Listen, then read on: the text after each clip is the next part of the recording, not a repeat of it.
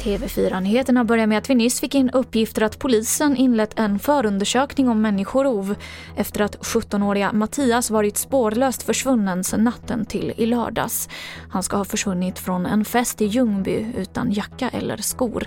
Tidigare så har polisen uppgett att man inte misstänker något brott i samband med försvinnandet men nu har polisen upprättat en anmälan om människorov. Färska siffror från polisen visar att det redan har varit fler skjutningar i år än under hela förra året.